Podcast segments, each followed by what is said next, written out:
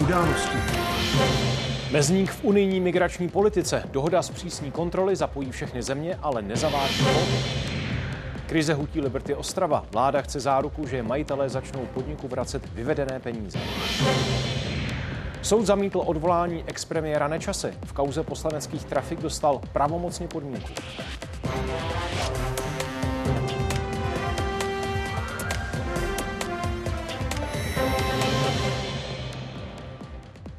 Právě začínají události. Vítáme vás. Děkujeme, že se díváte. Dobrý večer. Průlom v řešení nelegální migrace v Evropě. Členské státy Unie a europoslanci se po letech dohodli na reformě asilové a migrační politiky.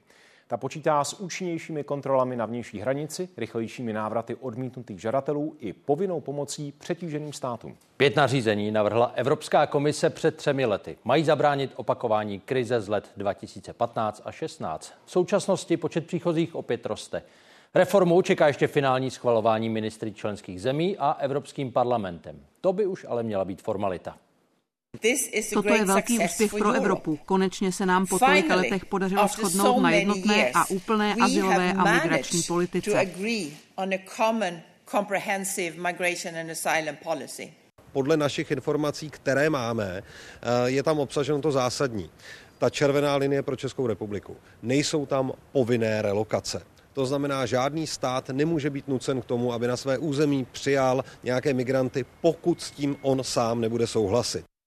Politici řady evropských zemí, včetně Německa a Francie nebo přetížených jižních států, dohodu uvítali. Odmítavě se k ní staví Maďarsko. To ale nemá sílu návrhy při finálním schvalování zablokovat. Hraniční přechod nedaleko Chebu. I dnes ráno tu německá policie na Mátkově kontrolovala řidiče přijíždějící z Česka. Důvod velký počet migrantů, kteří se snaží do Německa dostat nelegálně. Tou dobou v Bruselu vrcholilo jednání o podobě migrační reformy. Dva dny a dvě noci strávili zástupci členských států, parlamentu a komise nad souborem nařízení, který představuje největší změny v asilové a migrační politice za mnoho let. Za poslední roky se ukázalo, že eh, azylová politika Evropské unie opravdu funguje špatně. Je potřeba na některých procedurách přitvrdit a to se tedy nyní děje. Je to pravděpodobně uh, nejdůležitější legislativní dohoda v tomto volebním období. V roce 2019 to bylo pro mnoho našich občanů téma číslo jedna a to stále platí. Migranti budou muset na vnějších hranicích EU podstoupit takzvaný screening. Úřady jim odeberou kromě jiného otisky prstů. Žadatelé, kteří mají malou šanci azyl získat, a těch je většina, tam zůstanou v přijímacích centrech. Bez jednodušené proceduře se žádosti o azyl rychle vyřídí a budou následovat účinné návraty těch, kteří nemají právní nárok na ochranu v Evropské unii. Se zvládnutím procedur budou nárazníkovým zemím pomáhat ostatní členské státy, ale neznamená to kvóty. Můžou poslat peníze nebo třeba policejní hlídky. Bruselské instituce teď musí politickou dohodu přetavit v právní texty, které po novém roce schválí jak Europarlament, tak členské státy. Ty budou rozhodovat kvalifikovanou většinou, takže odpor jediné země nemůže reformu zablokovat. Cílem je vše stihnout do jara, kdy se uskuteční evropské volby. Migrace je v evropské politice stále výbušným tématem a kampaň před volbami může ovládnout. Většina evropských politiků dohodu vítá. Vysílá jasný signál, že potřebujeme společnou odpověď na evropské úrovni, abychom lépe chránili naše vnější hranice a bojovali proti nelegální migraci. Podle Frontexu jen letos nelegálně překročilo hranice 350 tisíc lidí, na moři často s tragickými následky. Vít Novotný odhaduje, že první účinky nových pravidel budou viditelné až po letech. Členské státy si musí vybudovat kapacitu na to, aby tyto procedury mohly provádět. A v řadě případů tu kapacitu v současnosti nemají. Zvládání migrace je klíčové pro udržení volného pohybu uvnitř Schengenu. Ten zůstává pod tlakem. Německo nedávno rozhodlo, že tyto kontroly na hranici s Českem zůstanou nejméně do poloviny března. Petr Obrovský, Česká televize Brusel. Česká vláda schodu na nových migračních a asilových pravidlech vítá. Podle premiéra teď úřady vyhodnotí, jestli obsahuje všechny parametry, které jsou pro Česko důležité. Petr Fiala taky zdůraznil, že jde zatím o většinovou schodu, nikoliv o konečné rozhodnutí. Ty informace, které máme, tak zatím potvrzují to, že ty klíčové věci pro nás jsou tam obsaženy, to znamená v žádném případě ani zmínka o nějakých povinných kvótách. Pak potřebujeme, potřebujeme ho alespoň v nějaké podobě, aby začala platit uh, ta různá ustanovení pro ty pozměněné uh, režimy na hranicích a, a pro návraty osob a, a vzájemných vztahů a tak, abychom prostě udrželi ten Schengen. Dohodu naopak kritizuje domácí opozice, která o ní mluví jako o pozvánce pro migranty. Fialová vláda, a my jsme ji k tomu otevřeně vyzývali, měla odmítnout migrační pakt EU a využít veškeré síly k tomu, abychom zabránili přijetí migračního paktu EU. Já e, se určitě nedivím tomu, že jásají Španělé, Italové, Řekové, protože k ním nejvíc připlouvá lodí s migranty, ale nechápu, jak může jásat pan premiér Fiala a teď pohled na podobu migračního balíčku a na to, jak se konkrétně dotkne Česka. To má zatím ze systému povinné solidarity výjimku, protože přijalo stovky tisíc válečných uprchlíků z Ukrajiny. Nový systém neznamená pro země celkové zavádění kvót, ale spíše způsob, jak migrační vlnu zvládnout. Evropská komise zatím počítá s tím, že se členské státy musí dohromady postarat o 30 tisíc běženců ročně. Ty si přerozdělí podle počtu obyvatel a taky síly ekonomiky. Neznamená to ale, že země budou muset povinně uprchlíky přijmout nebo obstarat jejich asilové řízení. Pomoci můžou logisticky nebo finančně. No, Brusel zatím stanovil částku v přepočtu půl milionu korun na běžence. Pokud by se bralo v úvahu pouze procento populace v rámci EU, roční zátěž pro Česko by tak nepřesáhla miliardu korun ze státního rozpočtu. Migrační pravidla schrnuje taky web ČT24. Téma rozeberou i události komentáře. V poslaneckém duelu Jany Mračkové Vildumecové z Hnutí Ano a Pavla Žáčka z ODS. Události pokračují už za chvíli třeba reportáží o možném snižování úrokových sazeb díky brzdící inflaci. Řekneme, kde už je pokles cen znát. Vláda se sešla na posledním jednání v tomto roce. Kromě zákonů tentokrát řešila i plány na příští rok. Podle premiéra se kabinet hodlá soustředit hlavně na důchodovou reformu. V Česku by měl taky přibít další národní park, celkově pátý. Rozsáhlé lesy, asi 80 druhů dřevin, některých z nich se už desítky let pily nedotkly, tedy podobně dlouho, jako se mluví o prohlášení Křivoklácka za Národní park. Tady, eh, když strom padne, tak vlastně to dřevo tady zůstává to odumírající dřevo je substrátem pro život mnoha Eh, živočichů a to je právě ta diverzita, která vzniká. Kabinet jeho vznik má v programovém prohlášení a příští rok chce ministerstvo životního prostředí změnit také zákon o ekologické újmě. Podle šéfa rezortu totiž havárie na řece Bečvě ukázala, že jeho současná podoba je nepoužitelná. Tak, jak byl dneska nastaven, tak vlastně nemá jasně vymezené kompetence a pravidla mezi složkovými zákony, to znamená třeba zákonech eh, o půdě, o vodě, o ovzduší. Plán legislativních prací, který kabinet schválil, obsahuje přes 90 bodů, dá se říct úkolů, na příští rok, ať už jde o novely zákonů nebo vládní nařízení. Vláda tak například počítá s nárůstem příspěvku na péči, novelou zákonníku práce, ale také s přípravou rozpočtu na další rok. Premiér pak za jednu z hlavních priorit označil důchodovou reformu. Máme její parametry, jsme první vláda, která o tom jenom nemluví, ale skutečně to udělala a velký úkol pro příští rok je legislativně tento proces dovést do eh, konce. Když jsem si prolistovala aspoň ty klíčové rezorty, tak tam nejsou žádné zákony pro lidi. Maximálně u MPSV jsem našla příspěvek na péči, ten tu dávno měl být zvýšený. Vzniknout by podle plánu vlády měla dopravní inspekce, a to proměnou z Centra služeb pro silniční dopravu. Tam je něco přímo u kardanu. Doteď takové kontroly mohli technici dělat jen za přítomnosti policie. Je to významná reformní změna, která bude znamenat opravdu eh, důslednější dohled eh, nad tím, co se děje v nákladní dopravě eh, na dálnicích, na silnicích první třídy. Nejvíc úkolů, schodně 12, mají v plánu ministerstva financí a zemědělství. Redakce a Martin Schneider, Česká televize.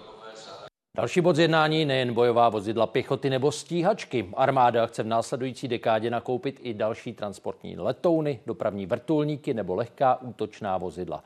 Počítá s tím aktualizovaná koncepce, kterou dnes taky schválila vláda. Materiál reaguje na válku na Ukrajině. Armáda chce stihnout větší část modernizačních projektů v této dekádě. Na investice, včetně nových tanků nebo děl, mají až 60% jejího rozpočtu. Pak se tento podíl sníží a vojáci se víc zaměří na systém fungování ozbrojených sil. Cílem zůstává, aby armáda měla 30 tisíc profesionálů a 10 tisíc lidí v aktivní záloze.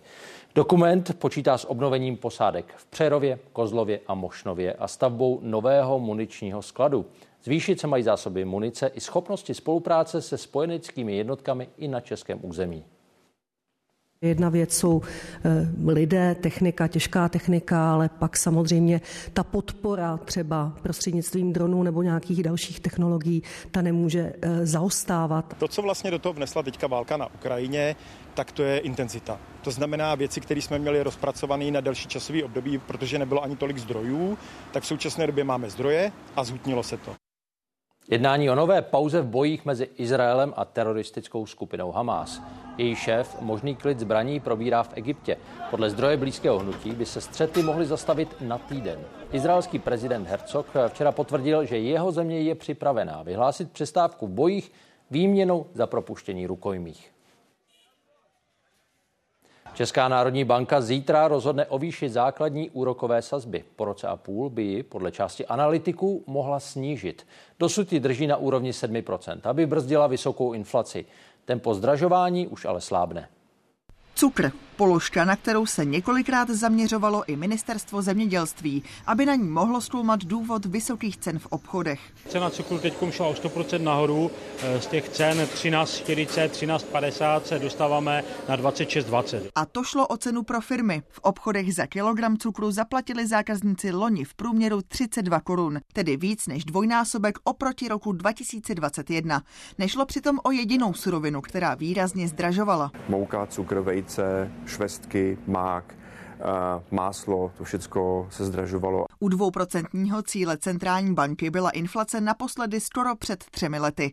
Aby zmírnili následný prudký nárůst cen, zvedali centrální bankéři základní úrokovou sazbu na současných 7% v červnu 2022. Každý krok bankovní rady se ale do ekonomiky promítne se spožděním. Teď už růst cen výrazně zmírnil. Třeba právě cukr zlevnil na méně než 30 korun. Není ale vyloučené, že zboží ještě od nového roku podraží. Podle některých odborníků půjde o skokové zdražení. Jiní mluví o mírnějším nárůstu cen. Záležet bude na nových cenících od dodavatelů a také na tom, jak se budou vyvíjet mzdy. Přesto už je podle většiny ekonomů čas na to, aby centrální bankéři základní úrokovou sazbu snížili. A to buď na zítřejším zasedání tady v budově České národní banky nebo na únorovém setkání. Je tady určitě prostor pro to, aby úrokové sazby šly mírně dolů již na prosincovém zasedání, a to o 25 bázických bodů. Pokud se bankovní rada při té diskuzi shodne na tom, že už je možné začít úrokové sazby snižovat, tak pak v tom případě může být i to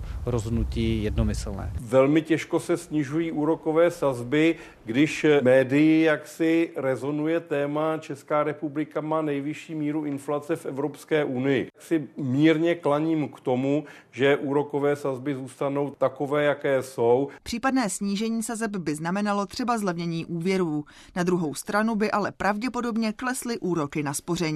Klára Burešová a Nina Ortová, Česká televize. Stovky policistů, včetně psovodů a hlídek na koních, dnes opět prohledávali Klánovický les. Hledali cokoliv, co by mohlo pomoct s objasněním dvojnásobné vraždy z minulého pátku. Část lesa byla kvůli tomu veřejnosti uzavřená. Policie před 16. hodinou akci ukončila. Dvoudenní bezpečnostně pátrací akce v Klánovickém lese skončila. Nenašli jsme v něm nikoho, kdo by se tam skrýval, byl nebezpečný a ani nic, co by aktuálně naznačovalo jakékoliv hrozící riziko. Policie dodala, že zatím totožnost pachatele nezná. Vražda podle tamní starostky ovlivnila atmosféru v celých Klánovicích. Lidé do lesa pravidelně chodili na procházky. Vedení městské části se snaží s kriminalisty maximálně spolupracovat. Doporučení dostali i místní.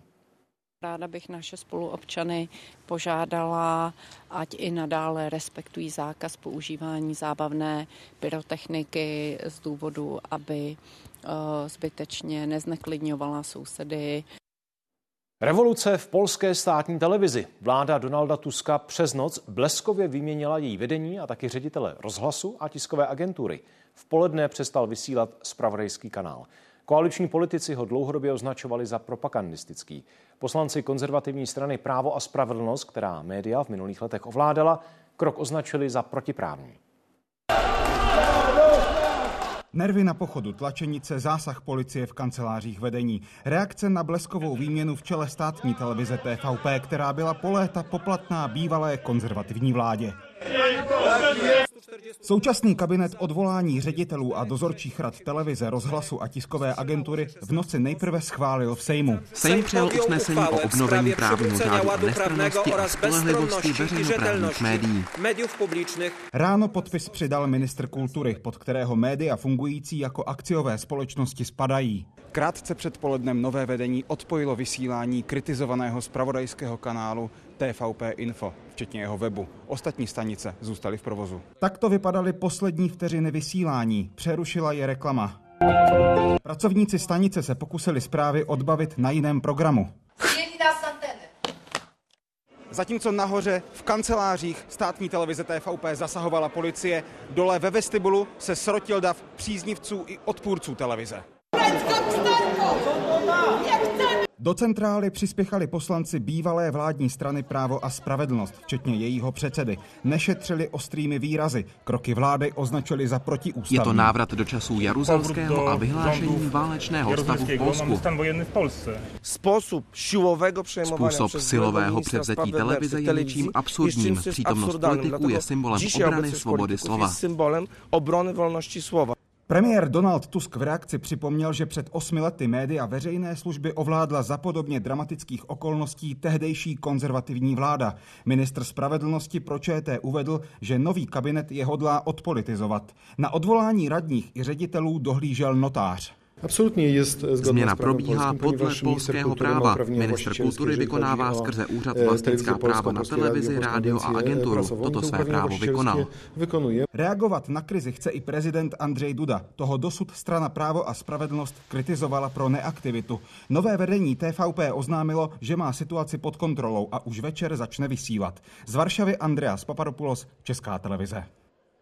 Vláda souhlasila s úpravou dotací z modernizačního fondu. Na proměnu energetiky by v něm mělo být 5, pardon, 500 miliard z výnosu emisních povolenek. Víc peněz na odklon od uhlí dostanou teplárny. Nově fond podpoří i úpravy elektrických vedení nebo výrobu zeleného vodíku.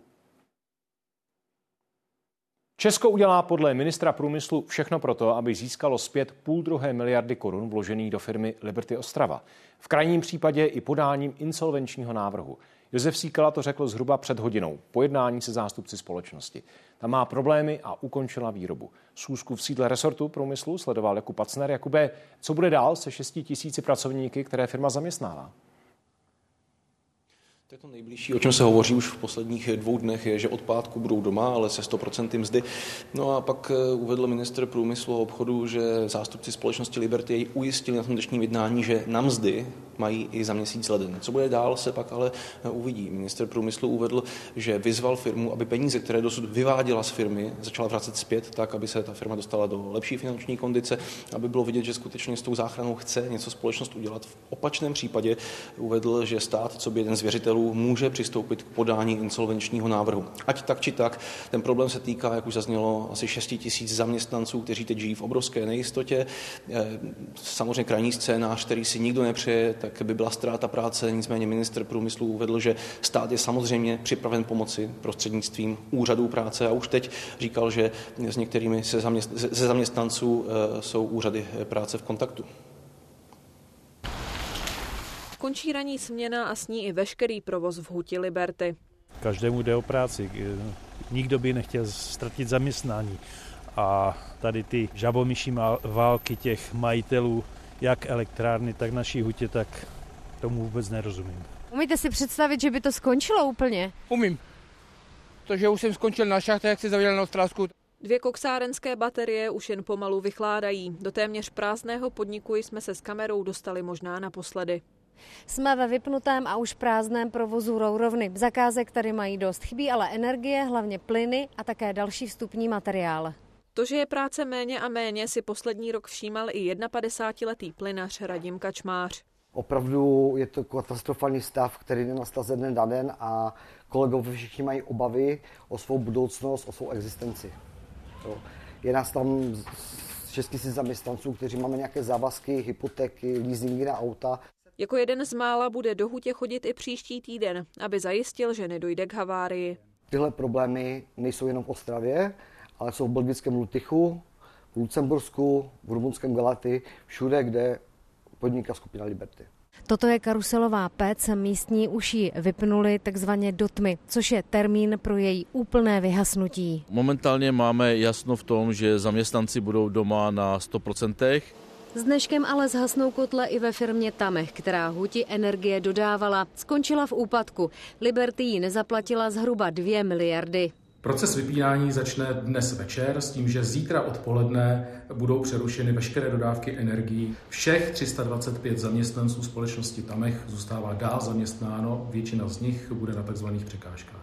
Zaměstnanci Liberty se zpět do práce vrátí 3. ledna. Jestli jen pro další informace o aktuálním stavu nebo začnou znovu pracovat, bude jasné za 14 dní. Jana Drápelová a Pavla Daňková, Česká televize Ostrava. Střídání v čele státního ústavu pro kontrolu léčiv jeho ředitelku Kateřinu Podrazilovou po necelém čtvrt roce odvolal ministr zdravotnictví. Vytýkají třeba nedostatečnou aktivitu při zajišťování dostupnosti léčiv. Ona sama říká, že fungování ústavu naopak začala zlepšovat. Výběrové řízení na uvolněnou funkci vypíše resort v polovině ledna. Kultovní Remarkův román Na západní frontě klid a vedle něj současná hra ukrajinské autorky Natálie Vorožbitové Zelené koridory. Obě díla se stala základem nové inscenace Pražského divadla X10. Předlohy mají společné téma. Válku, která ničí jak životy, tak lidské hodnoty. Můžeme ničit a zabíjet, abychom se zachránili a pomstili. Na první pohled válečné utrpení frontových vojáků z první světové války s osudem žen, které museli opustit kvůli válce Ukrajinu, nesouvisí. Opak je pravdou. Uvidíte plný lazarety a umírající. Stačilo pár neděl a jsou z vás starci. Válka těm eh, mladým klukům krade duši a já si myslím, že ta duše může být jako ukradena celé jako společnosti evropské. Mužský pohled na válku z románu Na západní frontě klid vyvažují příběhy tří ukrajinských žen. Přišli o domov, ale každá si sebou nese svůj vlastní příběh a taky minulost. No možná bychom taky mohli zmínit, že si účinkovala v ruském seriálu o tajných službách. A to tady všichni vědí. Ten ženský úhel pohledu, kdy ženy uprchlice opouští válečnou zónu a uh, usilují o to, aby měli zase nějaký aspoň nějaký život, to je právě to, co je na tom materiálu tak zajímavé a lákavé. Předchozí spolupráce divadla X10 s režisérem Dušanem Pařížskem na inscenaci Moskoviáda byla velmi úspěšná. Divadlu přinesla řadu ocenění a také divadelních cen. Příští rok se divadlo s ní vydá do zahraničí, do Německa a také na Ukrajinu. Říká se, že v tomhle městě žijí miliony Ukrajinců. To by tedy znamenalo, že Moskva je největším ukrajinským městem na světě. Jsme pořád v nějakém takovém falešném pocitu bezpečí, ale ono se to brzo už třeba může týkat i nás. Remárkův román se dočkal i tří velkých filmových zpracování, naposledy v loňském roce. Drama o vojácích a uprchlicích. Touha přežít spojuje všechny, stejně jako zmrzačené a zničené životy všech, kteří granátům unikli. Jiří Svoboda, Česká televize. Ledovka na jihu Moravy. Policie řešila přes 20 nehod. Záchranáři museli ošetřovat pacienty po pádech na chodnících. Podrobnosti v reportáži. Zdražení tepla. Ceny zvedají hlavně uhelné teplárny. Od, a od ledna se změní i rozúčtování v centrálně vytápěných domech. Má být spravedlivější. Víc kolem půl osmé. První český expremiér odsouzený za korupci. Petr Nečas podle pravomocného rozhodnutí uplácel poslance ODS, když jim za ochot ze sněmovny nabídl místa ve státních firmách. Odvolací soud mu potvrdil podmíněný trest 2,5 roku a milionovou pokutu. Jde o případ, kvůli kterému před deseti lety padla vláda. Bez hlavního aktéra místo Petra Nečase přišel jen jeho obhájce. Omluvil se. Nechce se zúčastnit?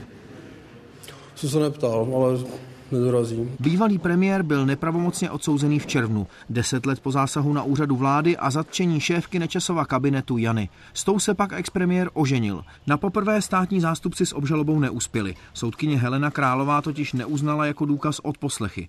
Po výměně soudkyně ale policejní nahrávky zazněly a Nečas byl odsouzen, ode dneška pravomocně. Takže s tím, tím se řekne, že to, že na to formálně většina těch věcí spadá, spadá pod něj, že jo? Odposlechy podle soudu dokázaly, že se Nečas a Naďová domluvili s rebelujícími poslanci, kteří nechtěli hlasovat pro daňový balíček. Za vzdání se mandátu měli získat pozice v českých aeroliniích nebo Čepru. Mně to přijde, že to je trestná činnost, která v podstatě nebyla nikdy předtím trestána, nikdy potom. V této trestní věci byly důkazy a to je ten podstatný rozdíl. Jestli v jiných trestných věcech důkazy neexistovaly, tak to ještě neznamená, že ani tenkrát to nebylo považováno za trestné. Dnešní rozhodnutí už se netýkalo nečasové manželky Jany, dříve Naďové. Ta se proti podmínce a 300 tisícovému peněžitému trestu neodvolala. Potvrzení rozsudků může být trestní tečkou za zásahem na úřadu vlády. Vyšetřování nakonec vedlo k obžalobám v pěti kauzách. Ve třech zazněl zprošťující rozsudek. Ve dvou padly podmíněné tresty. Kromě tzv. trafik šlo o zneužití vojenského spravodajství ke sledování předchozí nečasové manželky. My jsme vždy ty věci žalovali s přesvědčením, že jsme dopatřili dostatek důkazů. Že má soud v některých případech jiný názor, hod, to se prostě v životě stává v právu. Petr Nečas se teď ještě může obrátit na nejvyšší soud. Pavel Šetr, Česká televize. 16-letý student zaútočil nožem na pracovnici střední průmyslové školy v Třebíči. Ženě způsobil lehké zranění. Nebylo ji ale potřeba odvést do nemocnice. Mladíka policie zadržela. Incident se odehrál v soukromí. Nikomu dalšímu se nic nestalo. Útočníka záchranáři převezli do zdravotnického zařízení, protože je nezletilý, nespecifikovali kam a nevyjádřili se ani k jeho diagnóze. Vliv návykové látky u něj nepotvrdili ani nevyvrátili. Od zítřka bude v Česku nebezpečně foukat. Meteorologové varují před silným větrem napříč republikou. S nárazy až 90 km za hodinu může poškodit budovy i lesní porosty. Vysoký stupeň nebezpečí platí pro západní polovinu území. Na horách navíc začne sněžit. V Krkonoších a na Šumavě podle meteorologů za den napadne až 40 cm. A ledovka na silnicích komplikovala dopravu už dnes ráno, hlavně na východě republiky. Jen dopoledne policie v Jihomoravském kraji vyjížděla k víc než 20 nehodám. Záchranáři zase ošetřovali lidi po pádech na chodníku. Měla to být jen cesta k popelnici, skončila ale v plné čekárně na pohotovosti. Jana Ročková upadla na náledí, sotva vyšla před dům. Byli tam zrovna naši pracovníci, posypávali chodníky a přiběhli za mnou hned, jo, zavolali sanitku. Mám na hlavě jeden z těch a ještě čekám na eh, rengény, kostrče a hlavy. V zásadě se jedná o takový vytíženější den. Od rána bylo ošetřeno 17 pacientů v důsledku náledí a dominovali vlastně úrazy hlavy a poranění v oblasti kyčle. A tady vidíte zlo, tříštivou zlomeninu horní části kosti stehení této části. Čekárny vypadaly podobně taky v dalších nemocnicích v kraji. Lékaři ošetřili desítky úrazů. Některé, jako Janu Ročkovou, přivezla rovnou sanitka. My jsme od 7 hodiny raní do desíti, tedy přibližně za tři hodiny, evidovali dvě desítky výjezdů k pacientům, kteří upadli na náledí. Je to poměrně vysoký počet, protože jinak třeba ty dvě desítky evidujeme eh, v průběhu celého dne, pokud je náledí. Záchranáři vyjížděli taky k několika dopravním nehodám. Těch celkem policie za ráno řešila víc než 20. Například tento řidič kvůli náledí havaroval na nájezdu dálnice D2 u Hustopečí. Výstraha před ledovkou už pominula zítra, ale meteorologové na území celého Česka varují před silným větrem, který může lámat stromy a působit nebezpečí úrazu. Kateřina Švédová, Česká televize Jižní Morava. Letošní topná sezóna se zatím vymyká. Začala velmi pozdě, až v polovině října a navíc domácnosti šetří. Ve třetím čtvrtletí se tak snížila spotřeba tepla meziročně skoro o čtvrtinu. Na dálkové vytápění jsou v Česku napojeny skoro dvě pětiny domácností. Většině z nich teplo od příštího roku zdraží. Ceny zvyšují hlavně uhelné teplárny. Ty plynové mají naopak prostor pro zlevnění.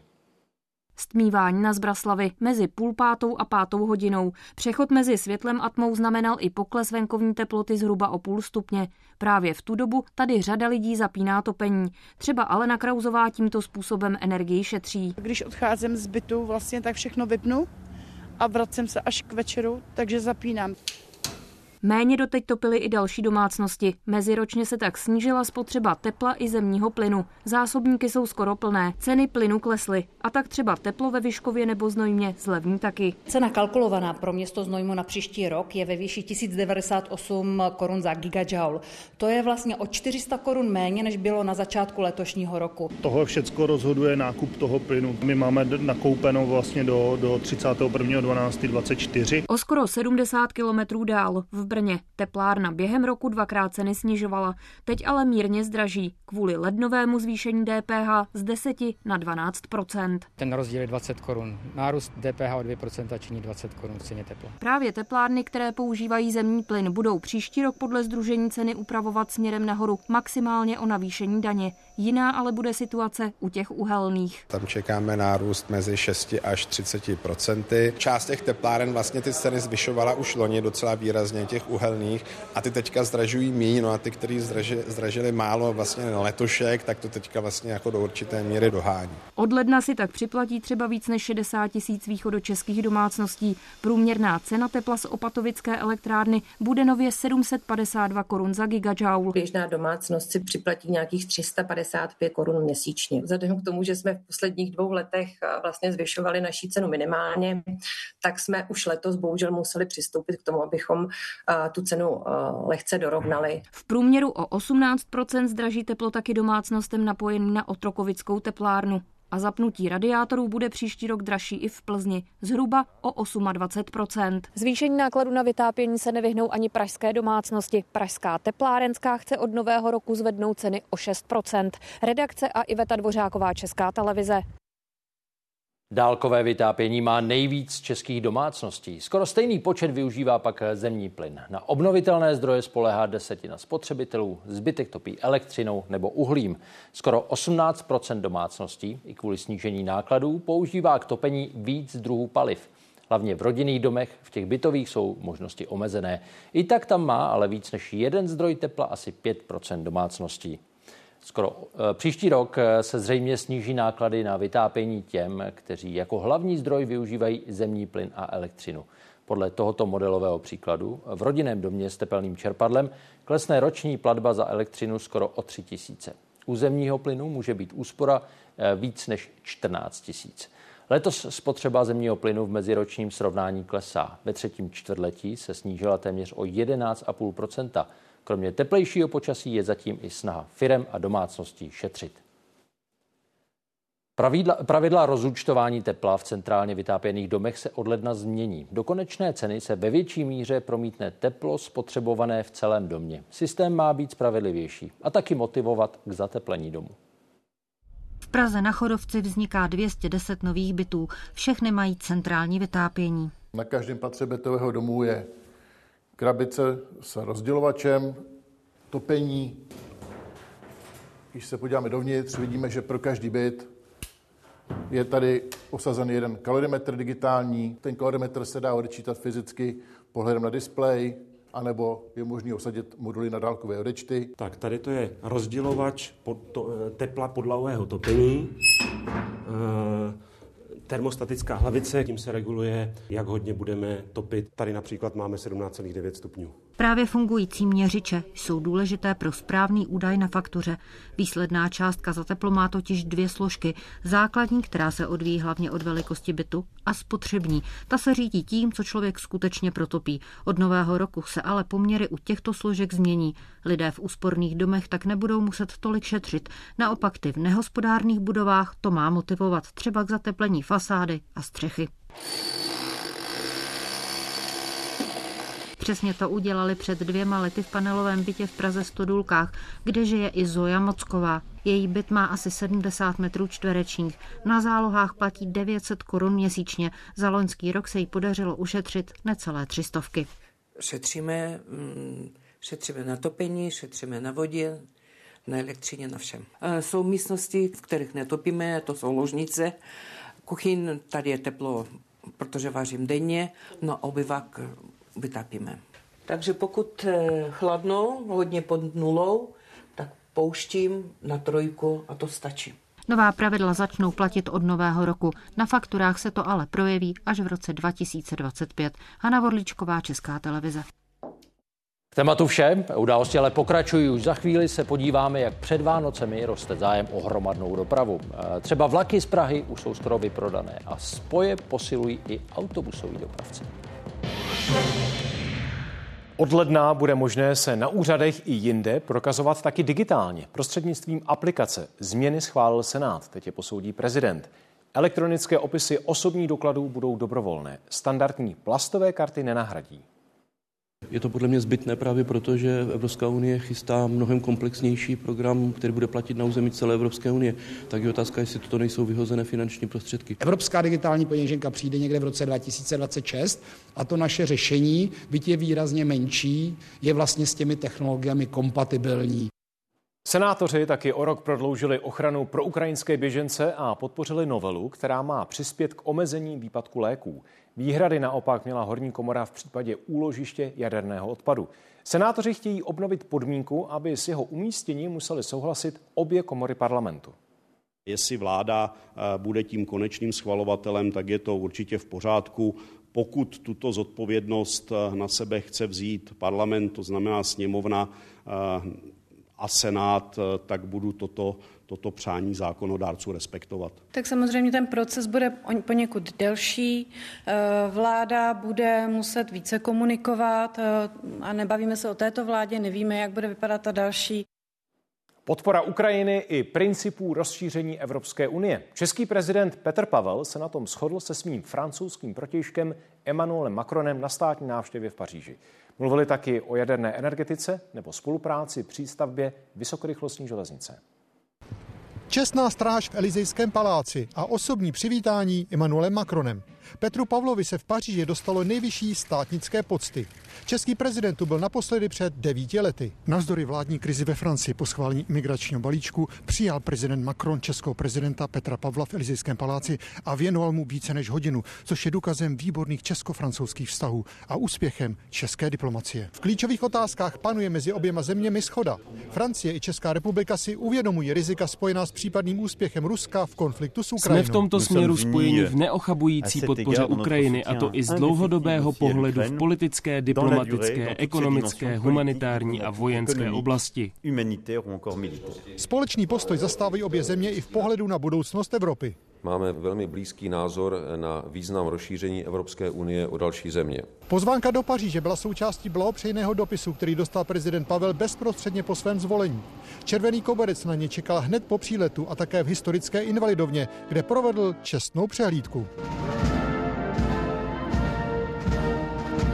Francie nabízí České republice spolupráci v řadě oblastí, včetně jaderné energie. Český prezident se i proto setkal s vedení projektu malého modulárního reaktoru Newart. Je to jeden eh, z projektů reaktorů menšího výkonu.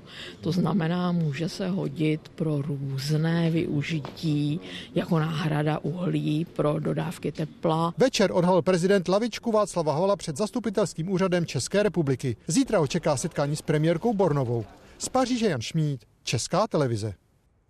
Erupce vulkánu na jihozápadě Islandu budou pokračovat, ale s menší intenzitou, domnívají se tamní odborníci. Sopečnou aktivitu odhadují na týdny až měsíce. Sopka u Grindavíku vybuchla v pondělí večer. Úřady obyvatele města preventivně evakuovali už v listopadu.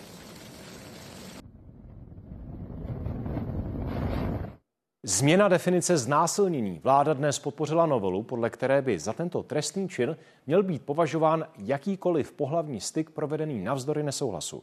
Ten oběť může vyjádřit slovy, ale třeba i jenom gestem. Za znásilnění by měla být taky považována sexuální aktivita na dítěti do 12 let.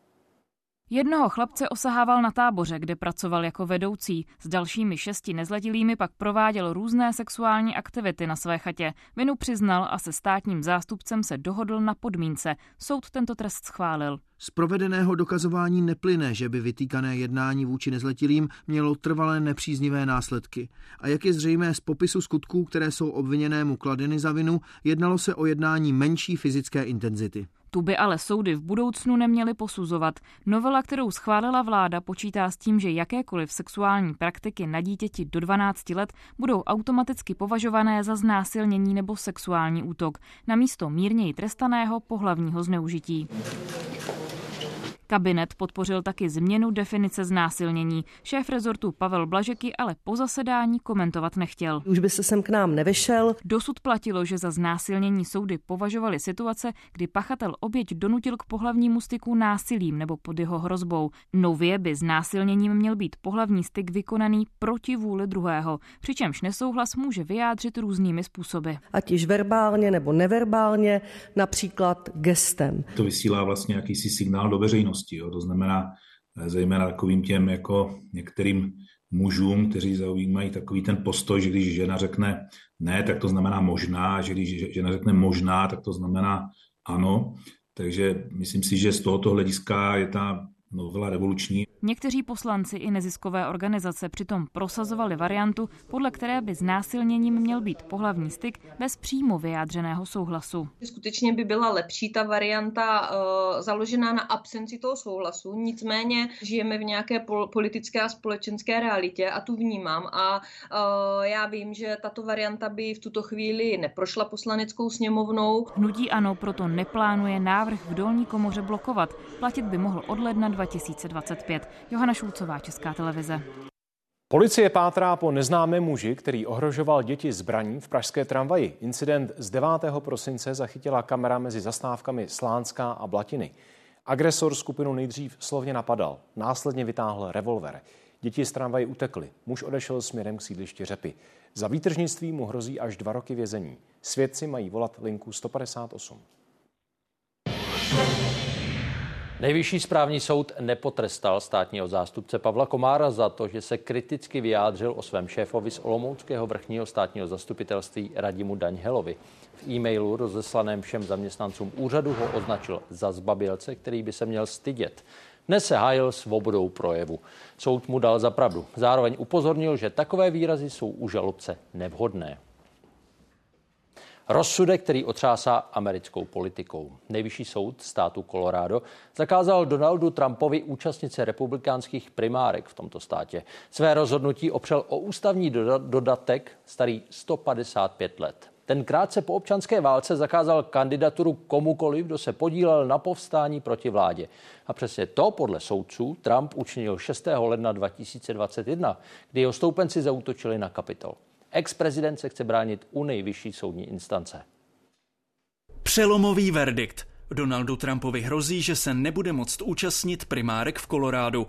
Ex-prezidentovi kritici tam uspěli správním argumentem, že ten, kdo se jako úředník podílel na povstání proti americké vládě, nesmí kandidovat. Je to novinka v americké historii. Nikdy jsme předtím neměli prezidenta, který by se podílel na povstání. To je důvod, proč se tím poprvé zaobíráme. Koloráčtí nejvyšší soudci hlasovali pro Trumpovu diskvalifikaci v poměru 4 ku 3. Trump má do 4. ledna, aby se odvolal. Podle řady expertů je velká šance, že uspěje. Nedovolíme, aby naše voliče ošedili radikální soudci, co si myslí, že mohou rozhodovat, o kterém kandidátovi smí americká veřejnost hlasovat.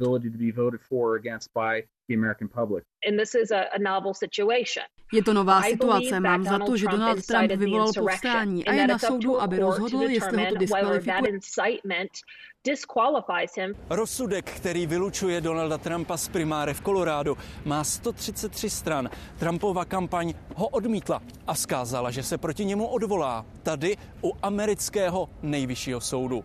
Na rozdíl od Koloráda mají ve Washingtonu konzervativní soudci většinu. Nejdřív se musí usnést, jestli se případem z Koloráda budou zaobírat. Pokud se tak stane, bude mít jejich verdikt dopad i na další americké státy. V řadě z nich Trumpovi kritici taky žádají o jeho vyškrtnutí z primárek. Bohumil Vostal, Česká televize, Washington. Osm let ve vězení má strávit 30-letý žhář Vojtěch Dukaj. Založil celkem pět požárů. Mimo jiné loni v prosinci zapálil stodolu v pražských Bohnicích a letos v Dubnu stáje na Císařském ostrově. V ohni přitom zahynulo šest koní a dva poníci, kteří patřili jezdecké škole. Soud může potrestal zatýrání zvířat, obecné ohrožení a poškození cizí věci. Verdikt zatím není pravomocný.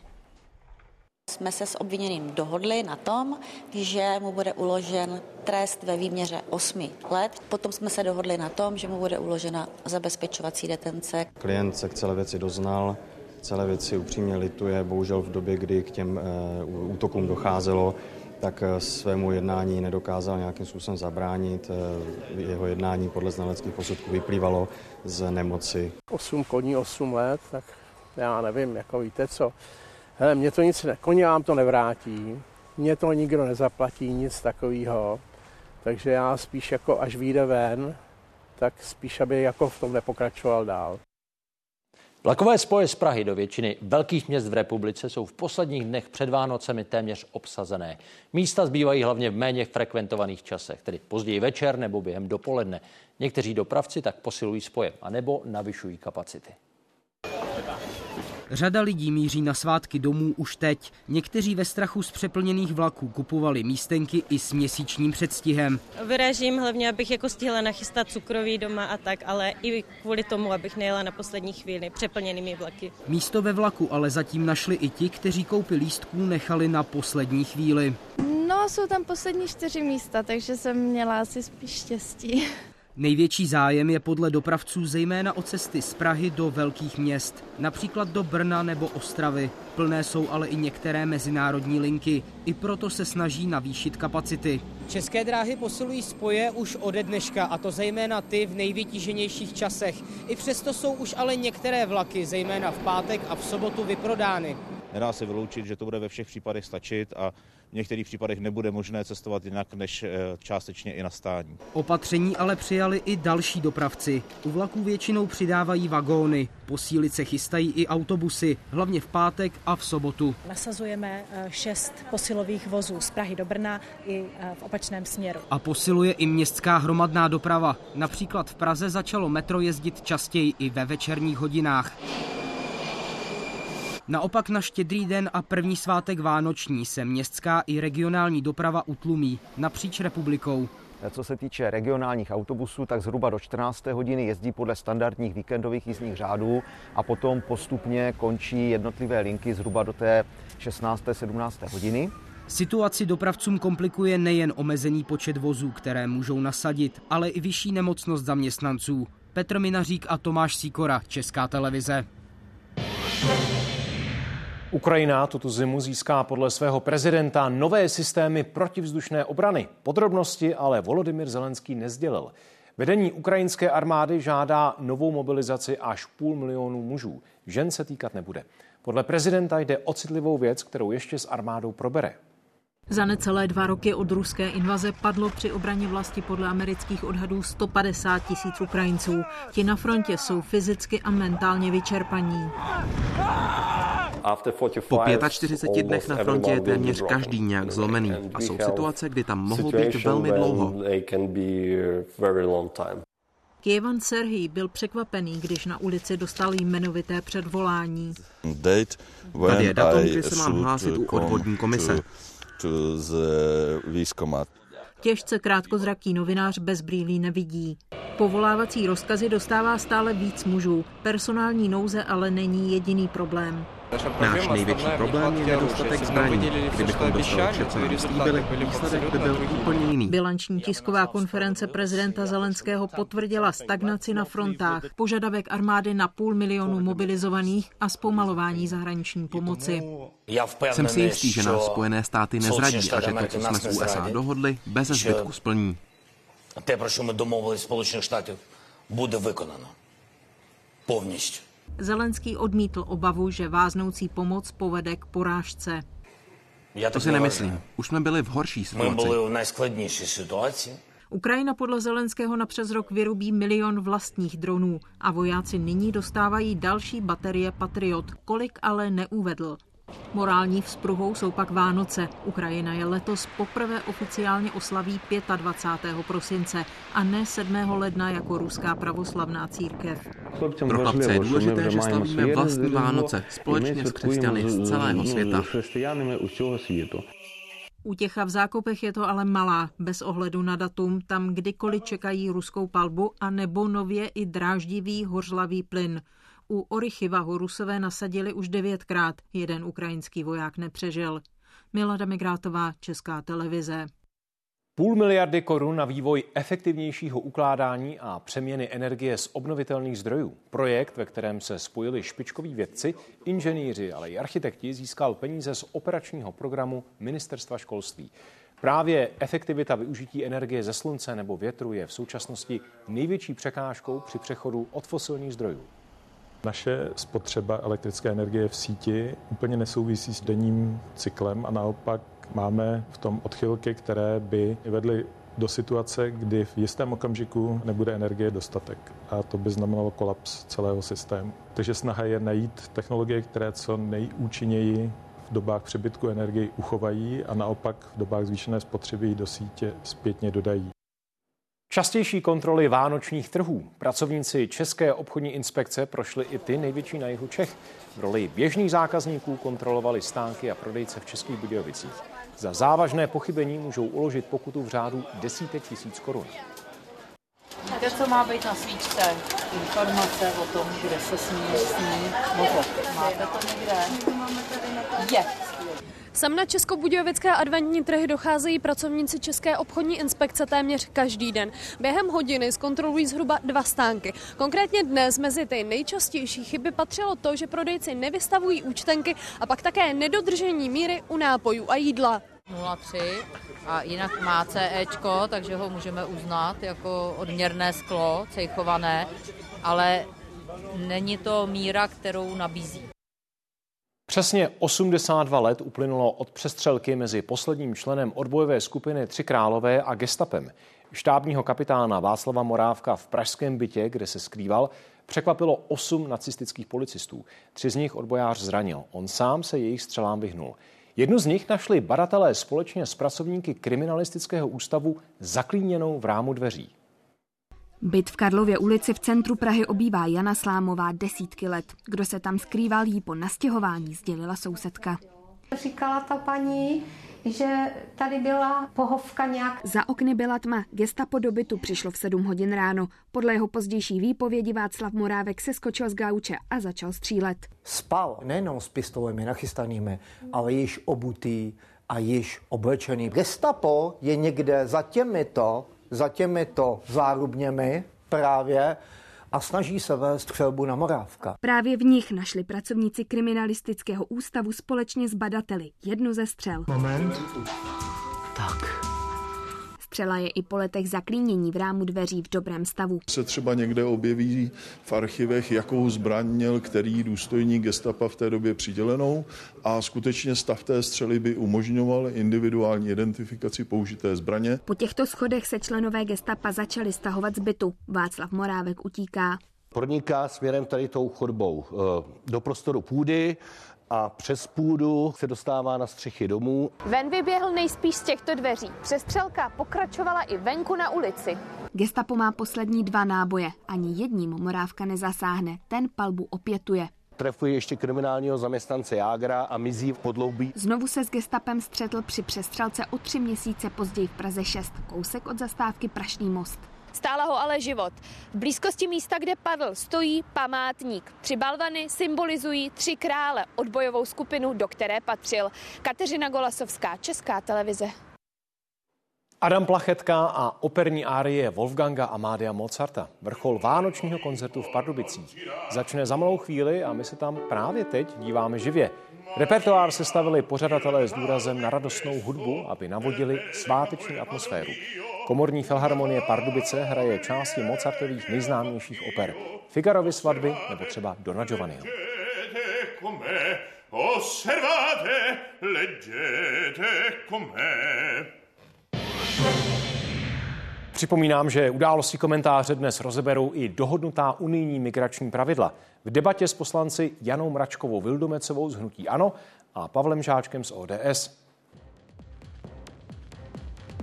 Jak zaznělo, zítra budeme mimo jiné sledovat rozhodnutí bankovní rady České národní banky o úrokových sazbách. Část analytiků očekává jejich snížení. Událostí končí, děkujeme mnohokrát za pozornost, přejeme vše dobré a hezký večer. Teď už sport. Jaromír Jágr poprvé v sezóně nastoupil zakladno. Podrobnosti má Barbara Černošková. Dobrý večer. 51-letý útočník zasáhl naposledy do soutěžního zápasu 21. dubna, kdy pomohl rytířům ke čtvrté výhře v baráži proti Zlínu a uchování extraligové příslušnosti. Dnes hraje olympijský vítěz, dvojnásobný mistr světa a dvojnásobný vítěz Stanleyova poháru proti Pardubicím. A jeho kladno zatím po dvou třetinách prohrává 3-4. Víc řekneme už za okamžik.